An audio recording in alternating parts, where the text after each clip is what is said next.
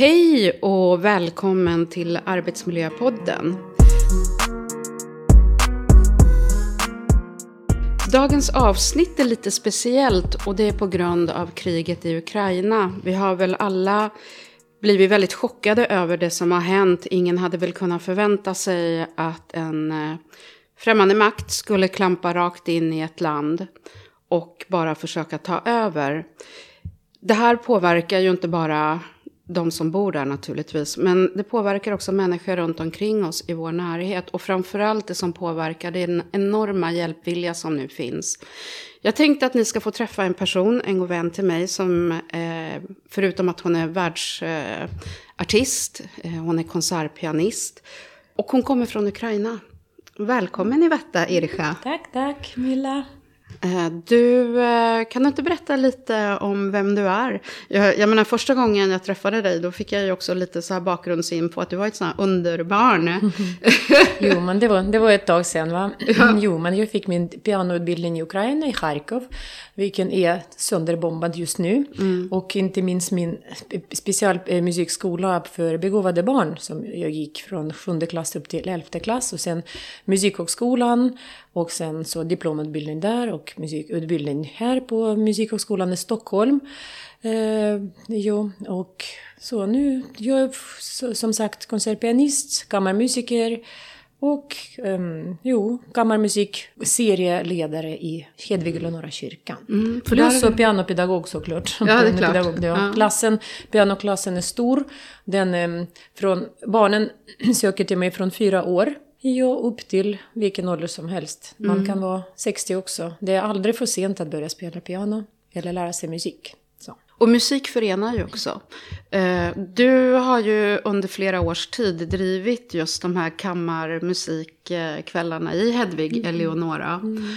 Och eh, i och med kriget i Ukraina så har du ju också engagerat dig väldigt mycket. Men innan vi går in på det så tänkte mm. jag du har ju din familj, du har ju släktingar, eh, du har din bror kvar mm. i Ukraina. Mm. Uh, hur mår han? Jo, nu släktingar är här. Nu, nu pågår det andra veckan idag som de har kommit. De har kommit i måndags den 7 eh, mars. Efter stora fruktansvärda omständigheter. Om vi, ni vill jag kan gå, på, gå in i den. Men på tal om brorsan. Han, han åkte ifrån bombade Charkov till mitt i Ukraina. Så han befinner mitt i Ukraina i min pappas far eh, Vasilij som var professor i kördirigering, kulturakademiker och i hans, hans gamla födelseort. Det fanns så att han ganska skyddade.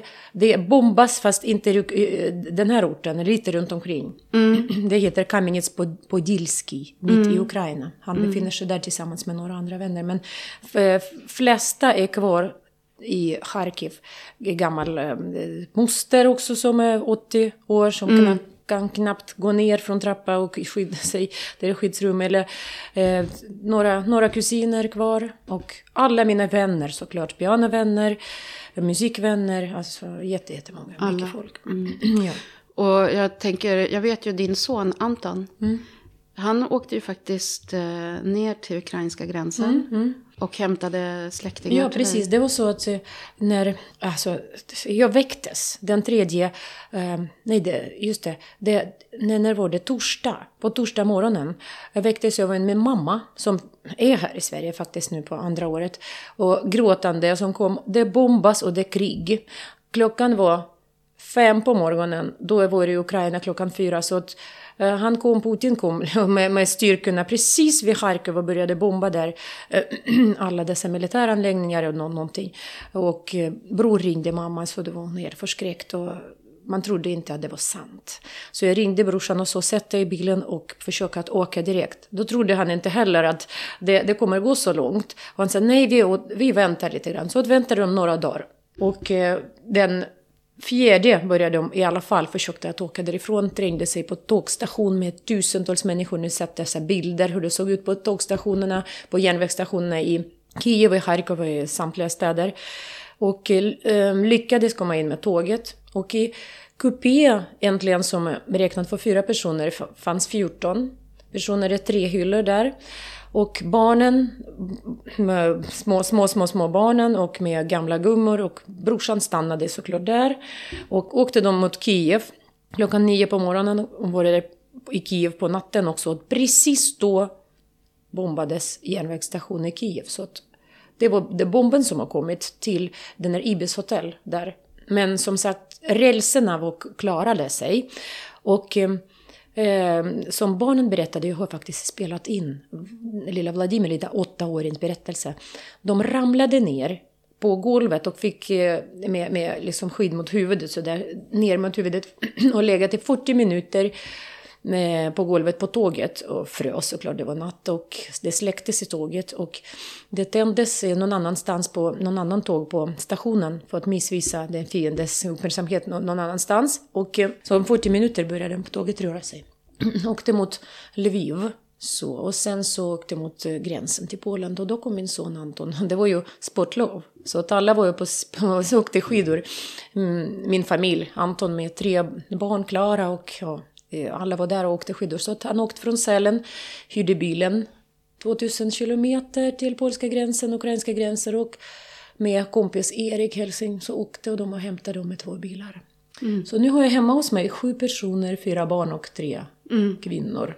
Och det har ju inte varit det enklaste heller när de har kommit hit. För ni har ju varit på Migrationsverket. Ja, dagen därpå. De kom 7 mars, 8 mars på kvinnodagen. Ja.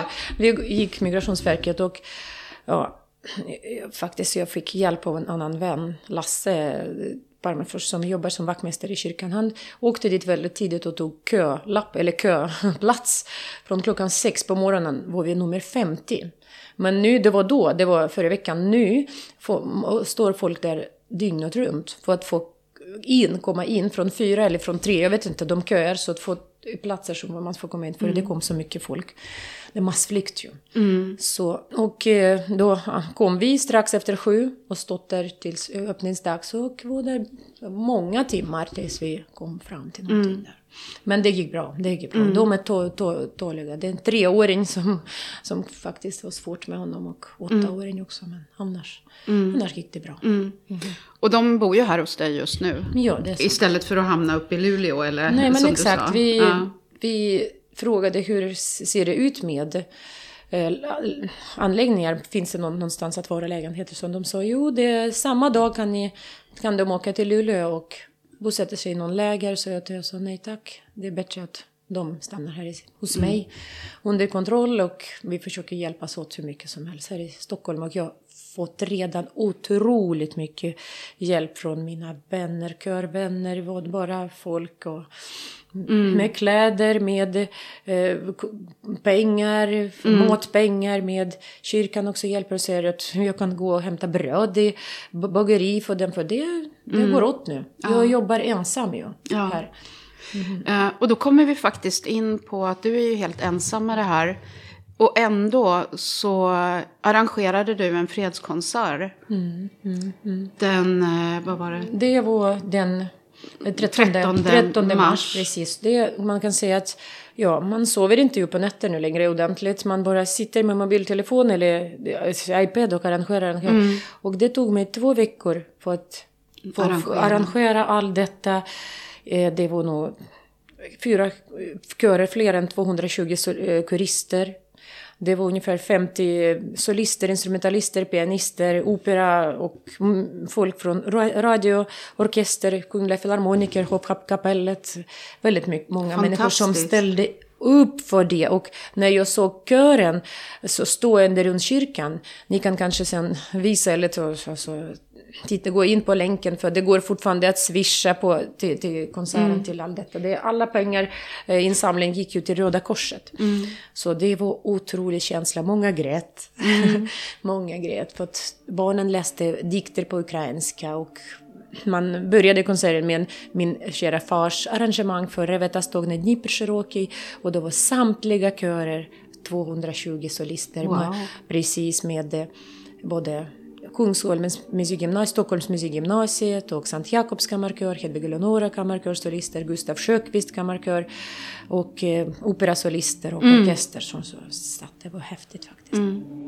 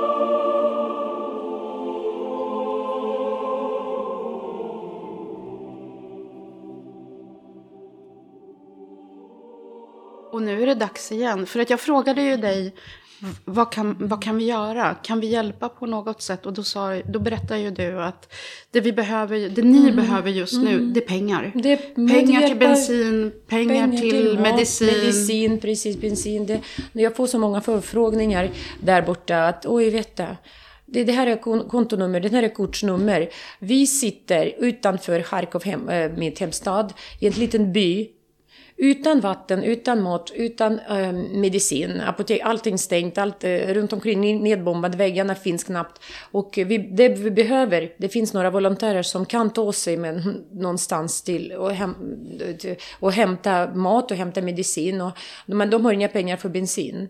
Så mm. att, då måste jag swisha till dem, till den, eller inte swisha det, överföra pengar. Det, på något sätt går det mm. att göra det. Jag vet att det kommer hjälp från Amerika. Och det, vem ringer mig, eller skriver mig? Min klasskompis, också pianist, Marina. Mm. Marina som, som är lärarinna, pianolärare också där mm. i Charkov. Det är de som sitter här, så det är närmaste människor som man hjälper till. Mm. Men som sagt. Och vi kommer ju lägga ut det här swish, vi kommer ju lägga ut ett swishnummer, vi kommer lägga ut flera nummer. Mm. Men du har ju själv önskat att det ska gå via en eh, större organisation som... Som vi eh, gjorde senast, senast ja. så att eh, det var genom Röda kyrkan Hedvig ja. så att de samlade pengar ju faktiskt, det var stor summa. 220 000 kom för konserten men sen när man delade länken då kom ytterligare 30 och mm. det är inte slut för att alla är jättesnälla och skickar någon liten slant, även ja, hundralapp räcker det, så vi är många och hjälper till. Då räcker det kanske till någon insulinpaket till någon eh, diabetiker, barndiabetiker som sitter i tunnelbanan där och kan inte komma fram. Mm. Eller till någon ny föderska. Ni vet att, ni vet att det är redan fler än 4 000 barn som föddes under jorden nu. Mm. Och eh, det är, jag såg på det, det första Lady, Zelenskis fru, att det är flera tusen äh, havande eh, kvinnor som på väg att föda var någonstans mm. där. Och som de behöver allt detta. Det är mm. ju, mitt hemstad är nästan två miljoner invånare. Så, mm. Såklart många flydde men många mm. sitter gravida sitter fast. och sitter fast och inte kan ta sig ut någonstans. Så man behöver hjälpa. Och nu jag menar, kriget det pågår ju. Det har ju inte mattats av. Eh, även om kämparviljan är stor ifrån det mm. ukrainska folket. Eh, du, du berättade ju för mig att redan nu så håller du på och planerar eh, lite aktiviteter, nästa, bland annat operamaraton. Men jag tänker att nu har jag, min kammarmusikserie Hedvig Leonora pågår nu tolfte året. Mm. Och det, det var några konserter per, en konsert per månad kan man säga, åtta mm. per år. Och nu känns det väldigt eh, meningsfullt att göra om konceptet, just närmast, närmast kommande konserter, till något mycket större med just den samlingen dit vad det mm. behövs. Och vi skulle ha gjort den 9 april konsert med två operasångerskor. Mm. Ulrika Mjörndal och Annie Engström. Eh, som flyger från Wien, hennes utbildning. Så att, men jag tänkte lite om och gör av den, den här datumen en stor operamaraton. Och jag tror att det är minst eh, ja, 15-20 operasolister, wow. världsstjärnor som kommer och sjunger. Och pianister såklart. Det blir inte orkester, det blir piano och det blir sång. Och det kommer upp och gå från 5 till 10 på kvällen. Mm. Ja, som maraton, operamaraton för att börja med den, och, eller fortsätta. Och sen i maj kommer det bli pianomaraton den 14 maj också. 14 maj, maj ja. precis. Så 9 april då är det eh, operamaraton. operamaraton mm och så 14 maj så är det pianomaraton. Mm -hmm. Och det här kommer vi också lägga ut naturligtvis. Och Olle Wager, um, spelade, inspelningskillen faktiskt, Mattias Wagers son, och domkyrkoorganistens son. Han är, var fantastisk för att livestreama allt detta. Och han kommer att göra det. Jag har pratat med honom i mm. Kommer göra det kommer också. Göra det också. Fantastiskt. Mm -hmm. uh, jag tänker lite grann på din situation i Vetta. Du, uh, du är ju ensam med allt det här. Nej, Hur, men in, inte riktigt. Min son, inte riktigt, din son hjälper dig. Men jag tänker mera på familjen. allt det här arbetet och det. Du jobbar ju otroligt mycket. Men din arbetssituation har ju också förändrats. Ja, men nu, nu jobbar jag mm. jobbade väldigt mycket mm. förut. Jag har stor pianoklass konserter mm. och eh, min intresse att sjunga kör. Så, men nu, eh, det finns inte det, stopp. Det, man, man, man vet det, man bara svarar i telefon, hjälper till de människor som behöver översättning från mm. ukrainska människor. För sen ringer, människor ringer från och smsar mig och mejlar från olika eh, ställen liksom här i Sverige också. Linköping, Jönköping, Västerås och ber att få hjälp med musikstyckena till mm. exempel. Nu måste jag skaffa, jag kan inte låta bli för att jag har fått av min kära far väldigt mycket noter. Jag har kvar från körnoter. Jag har fått inskickat från faktiskt eh, skyddsrum och mm. operachefen i Ukraina, i Charkov. Eh, väldigt mycket noter också, symfoniska verk, kammarmusikverk och sånt. Så att eh, snälla sjung, spela, sa han, för att vi behöver liksom den själsliga eh, styrkan, styrkan, precis.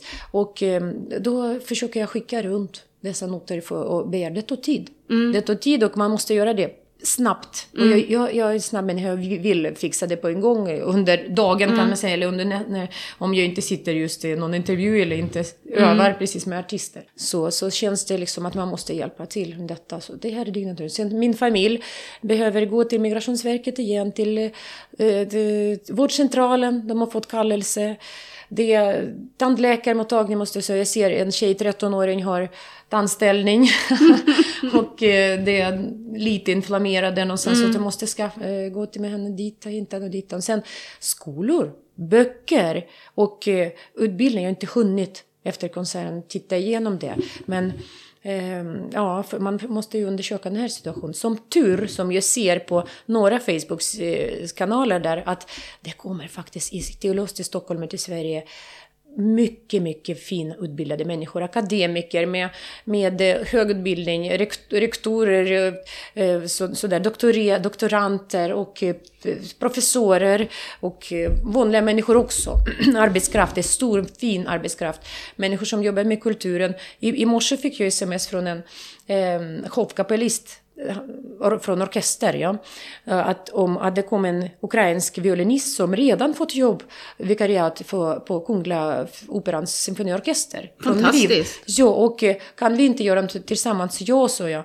Jag, jag ringer honom och såklart vi kommer att spela eh, tillsammans med den här eh, mannen då, med tre barn som jag fick höra att han, han har, han har i Harkov. Ja. Och, nej, någonstans i Lviv, men han är här i Stockholm. Så det finns resurser och det glädjer mig enormt för att på så sätt höjer vi utbildningen, kulturen, det kommer, kommer finna människor hit. Mm.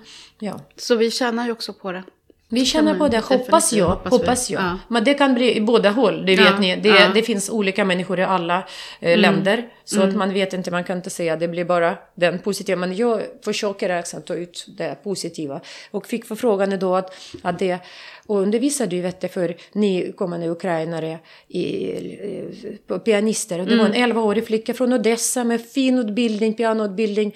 Och så, jag har fullt med pianoklassen men såklart så jag. Mm. Såklart, vad kommer vi öva på söndag? Mm. Någon gång på morgonen, jag vet inte när. Vi får se. Jag måste hitta tid för sån, sån barn som vill. Och det här är vår musikaliska och kulturell och framtid i landet. Mm.